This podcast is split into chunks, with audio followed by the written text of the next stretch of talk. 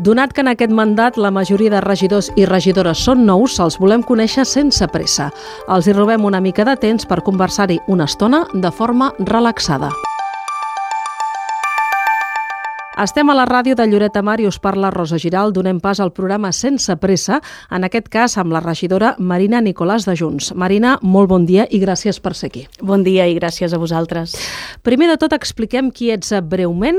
Vas néixer aquí, a Lloret de Mar, l'any 1985. Ets diplomada en Magisteri en Llengua Estrangera per la Universitat de Girona. També ets graduada en Traducció, Interpretació i Llengües Aplicades per la Universitat Oberta de Catalunya, la UOC, i tens un postgrau en Lideratge i Governança governança local de la Universitat Pompeu Fabra. Has treballat com a mestre d'anglès a l'Escola Àngels Alemany entre els anys 2008 i 2019. Del juny del 2019 fins al desembre del 2022, és a dir, el mandat anterior, va ser la regidora de Medi Ambient, de Joventut i de la Biblioteca. En aquest mandat torna a ser regidora amb Junts a l'equip de govern.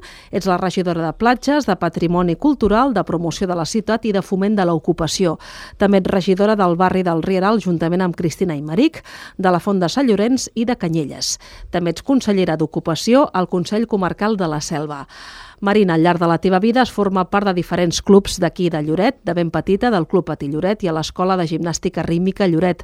Més endavant, als clubs de rem Santa Cristina i Pescadors i més recentment al Club d'Atletisme. Actualment ets sòcia del Centre Excursionista. I, no oblidem això, perquè sabem que és important per tu, l'any 2007 va ser obrera de Santa Cristina. Exacte, és molt important per mi, sí. Hem dit tot, vols afegir alguna cosa? No, diria que ho hem dit tot.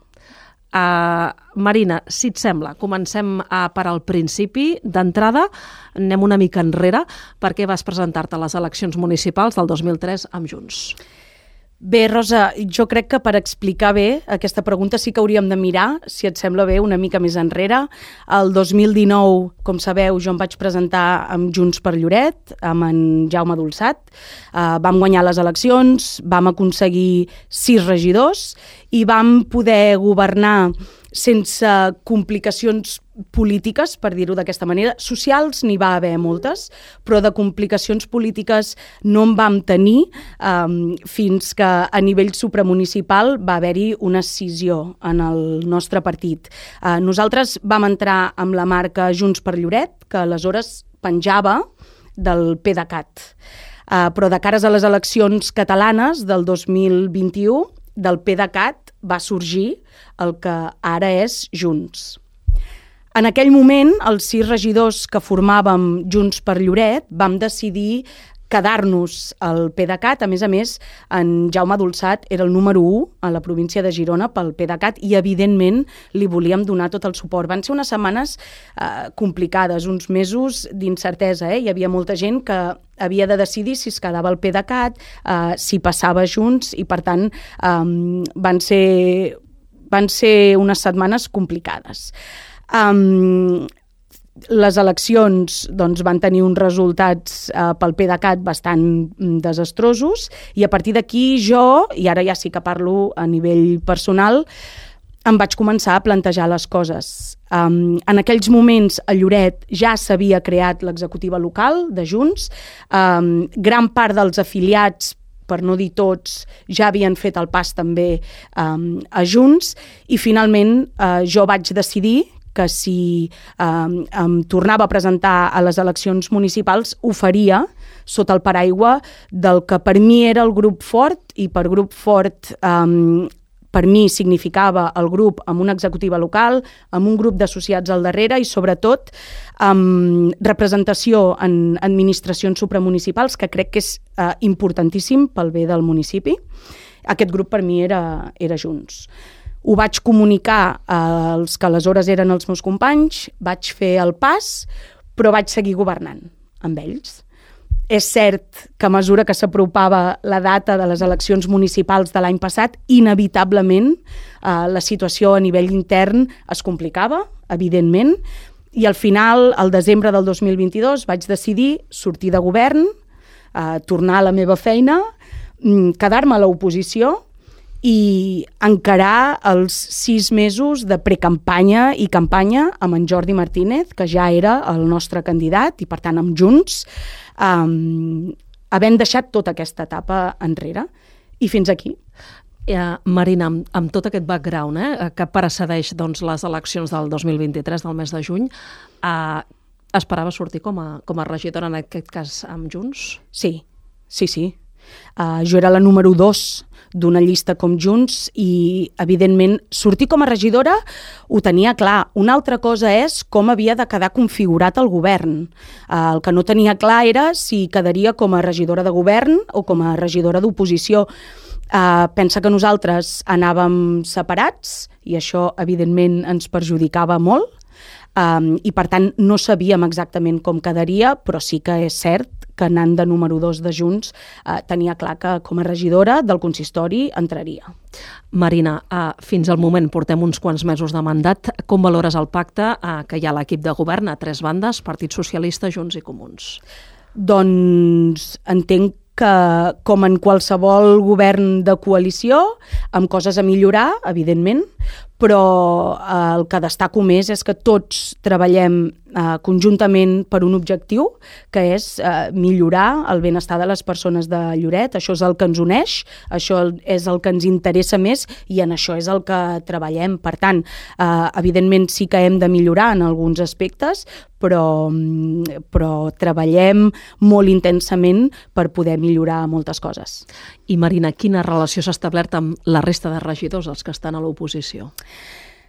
Clar, jo hi tinc bona relació, no hem d'oblidar que jo vaig estar quatre anys governant amb ells.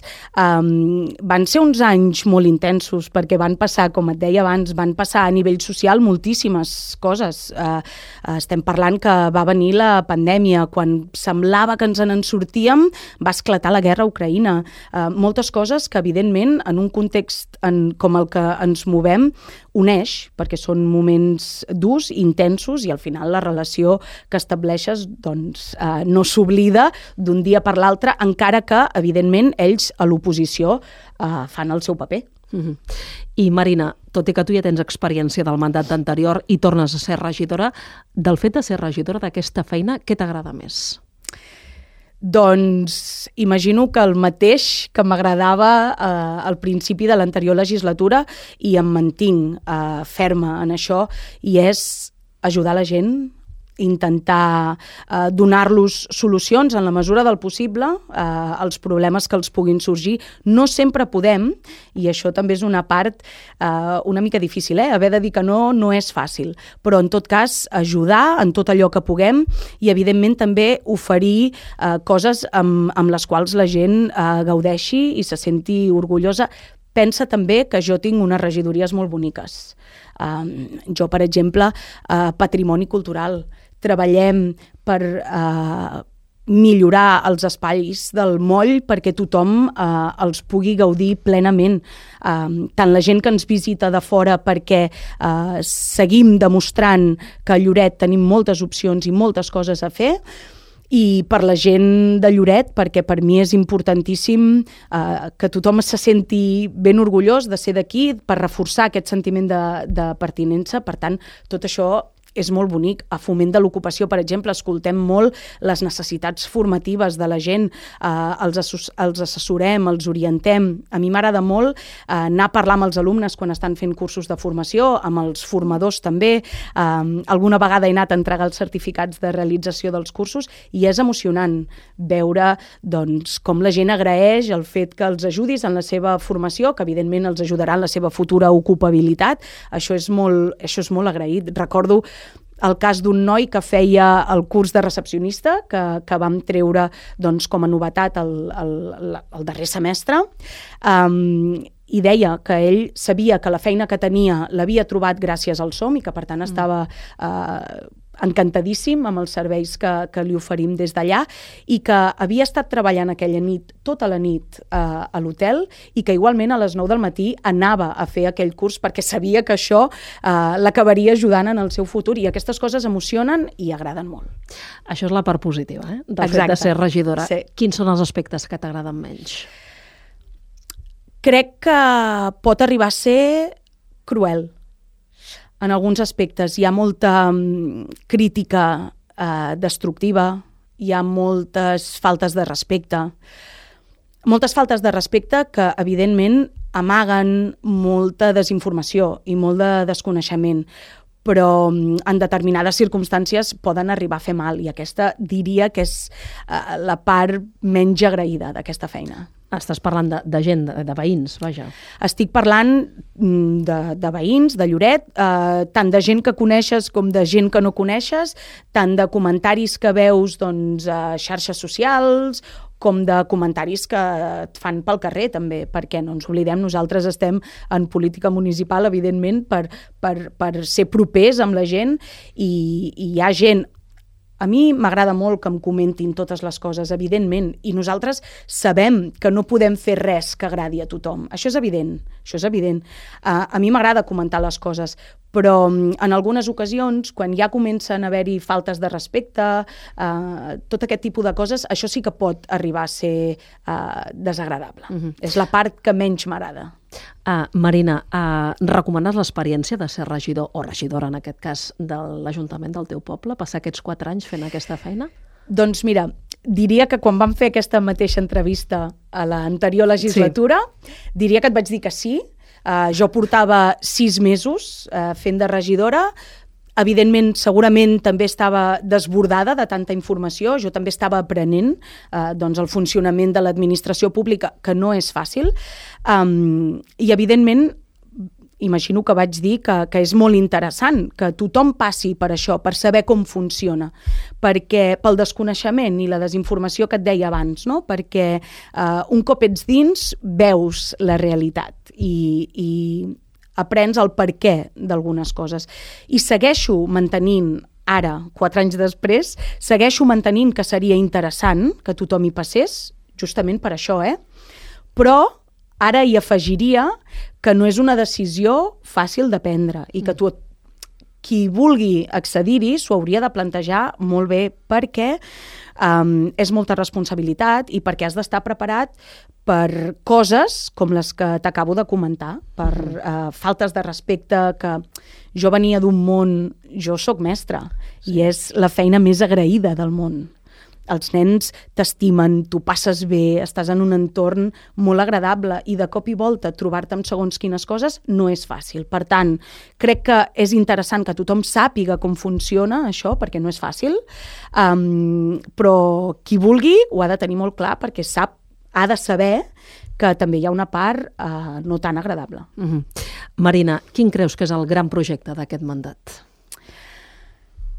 Crec que tenim molts grans projectes en marxa sobre la taula um, que provenen de l'anterior legislatura, que estan finançats amb, amb fons europeus.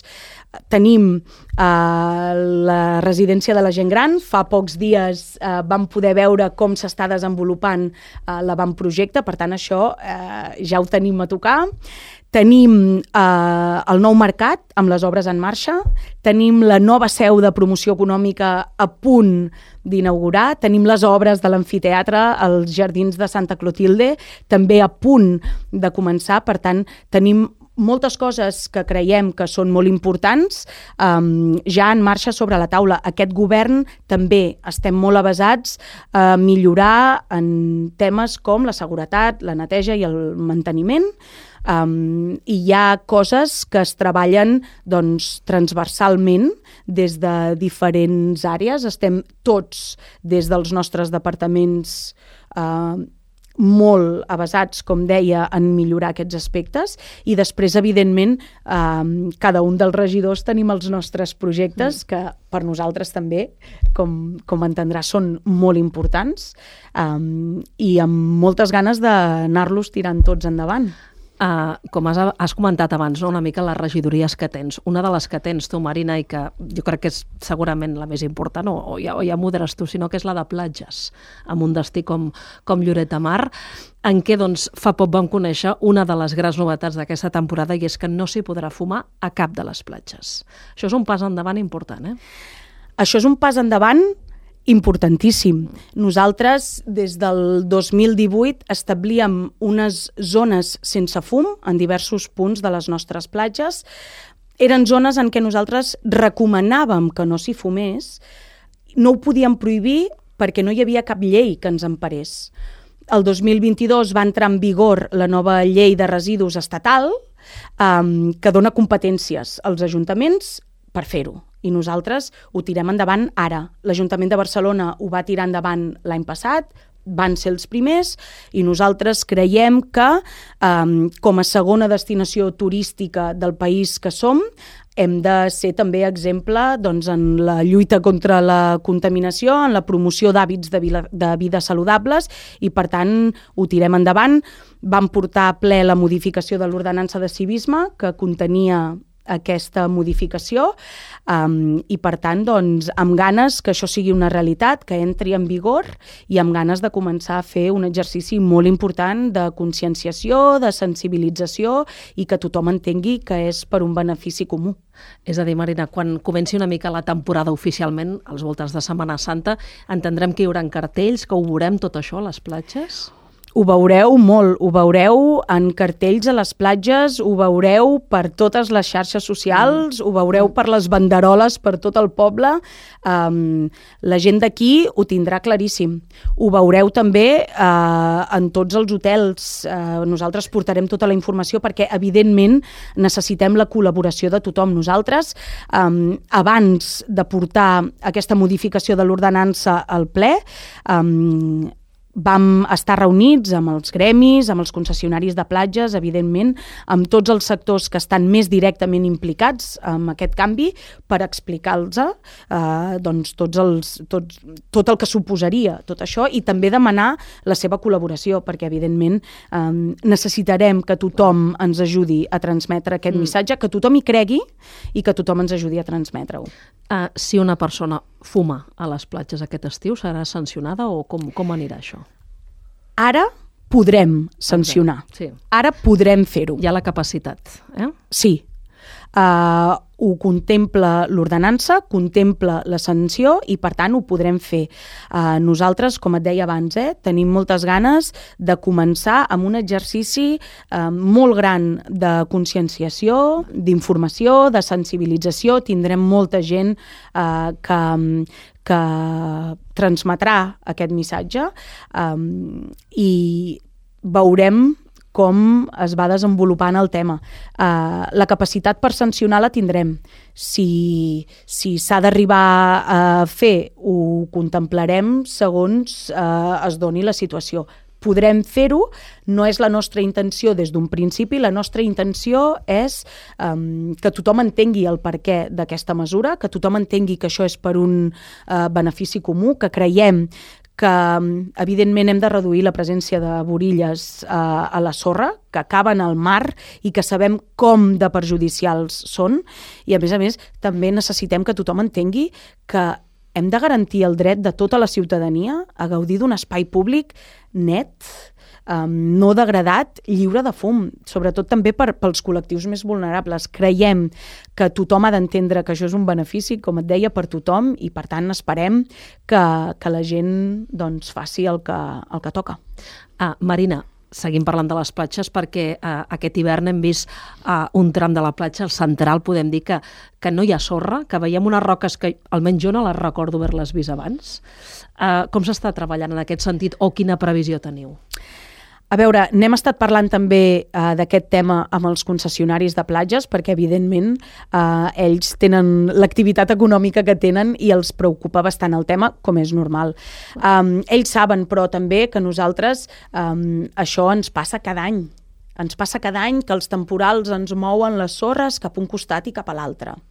Sempre hem eh, pres les decisions que s'hagin hagut de prendre més endavant, cap al maig, quan eh, se suposa que els temporals ja acaben i que, en principi, no, no n'ha de venir cap altre que ens desconfiguri tot el que haguem pogut fer amb màquines. Per tant, eh, nosaltres els hem dit que ens hem d'esperar una mica més, perquè el que no podem fer és posar màquines ara i que després vingui un altre temporal que ens ho destrossi tot.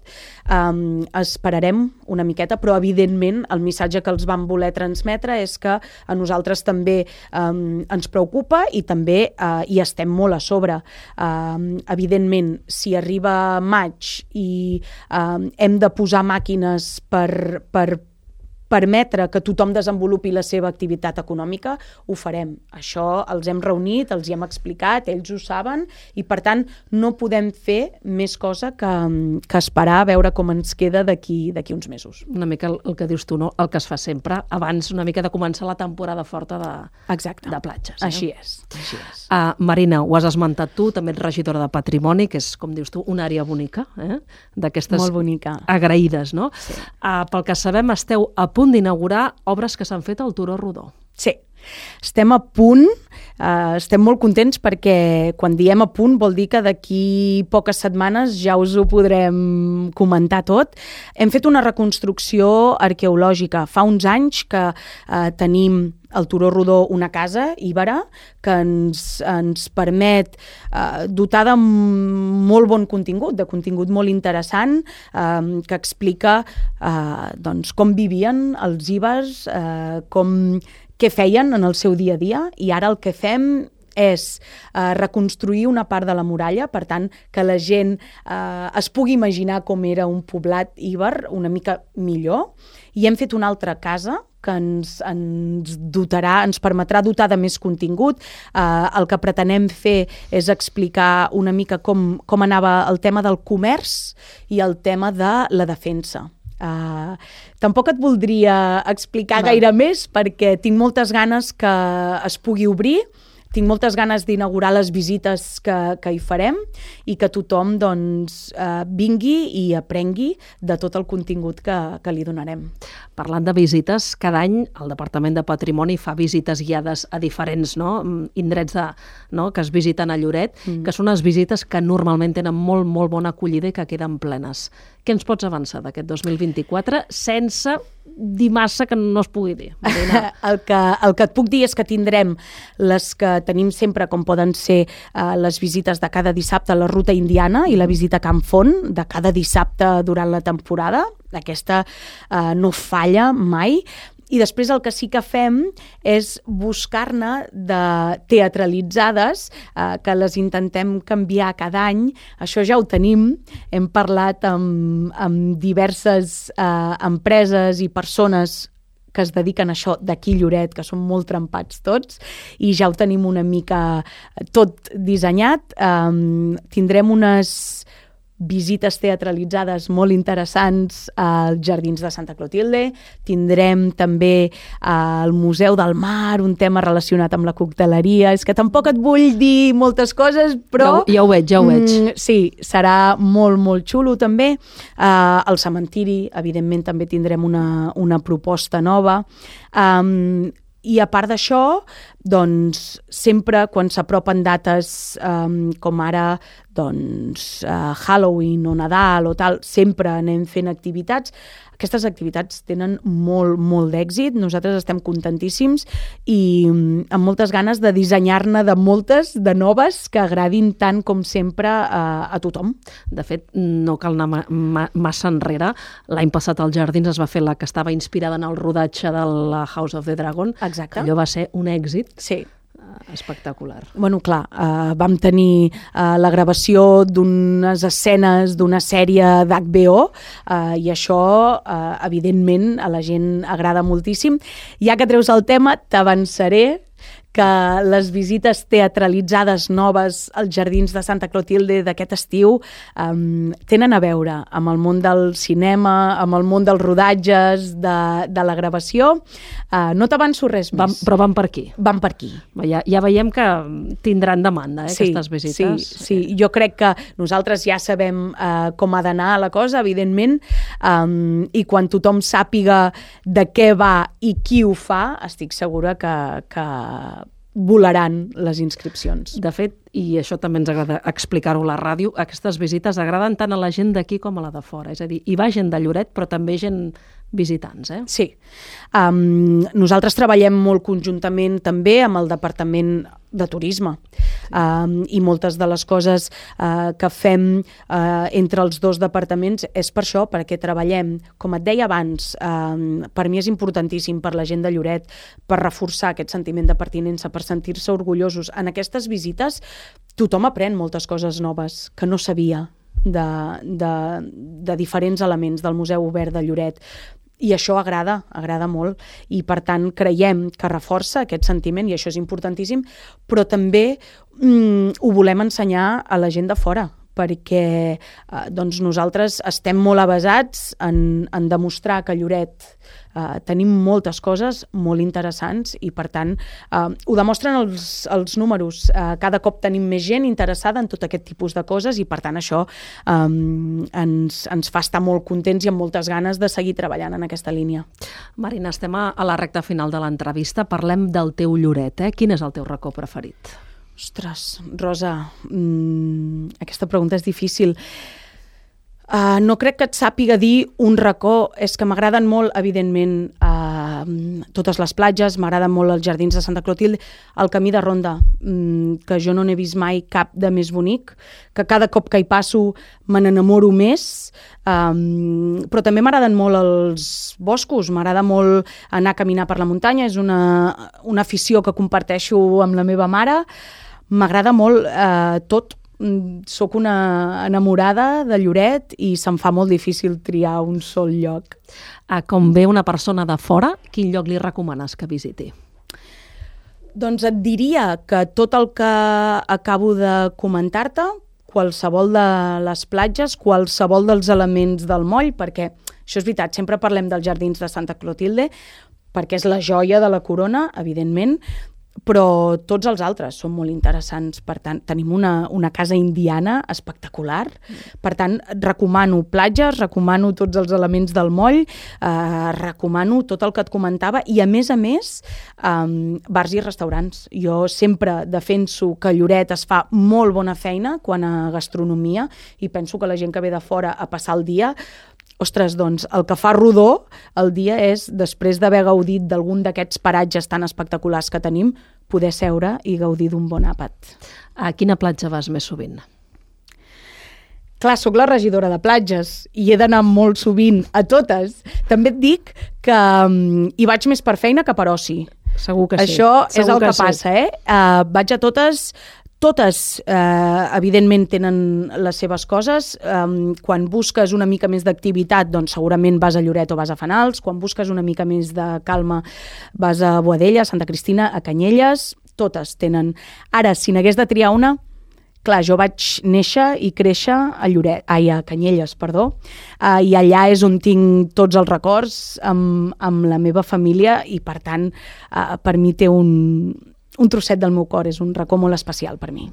Marina, l'última cançó que hagis escoltat i que t'agradi. L'última cançó que he escoltat és uh, Sweet Child of Mine, de Guns N' Roses. Mm. Sí, Marxa. i m'agrada molt, sí, m'agrada molt. Una cançó per començar el dia sí. amb energia. Exacte. I quina sèrie veus actualment? Ara estem veient una sèrie, minissèrie, molt interessant, uh, que es diu Troia que ens explica tota la història entre Troia, eh, els grecs, evidentment, tota la lluita, etc. Molt interessant. Doncs amb aquestes recomanacions que ens has fet, Marina, acabem l'entrevista. Evidentment ha estat un plaer poder conversar tu en aquesta mitja hora del programa Sense Pressa. Com diem, moltes gràcies i molt bon dia. Gràcies a vosaltres. Bon dia.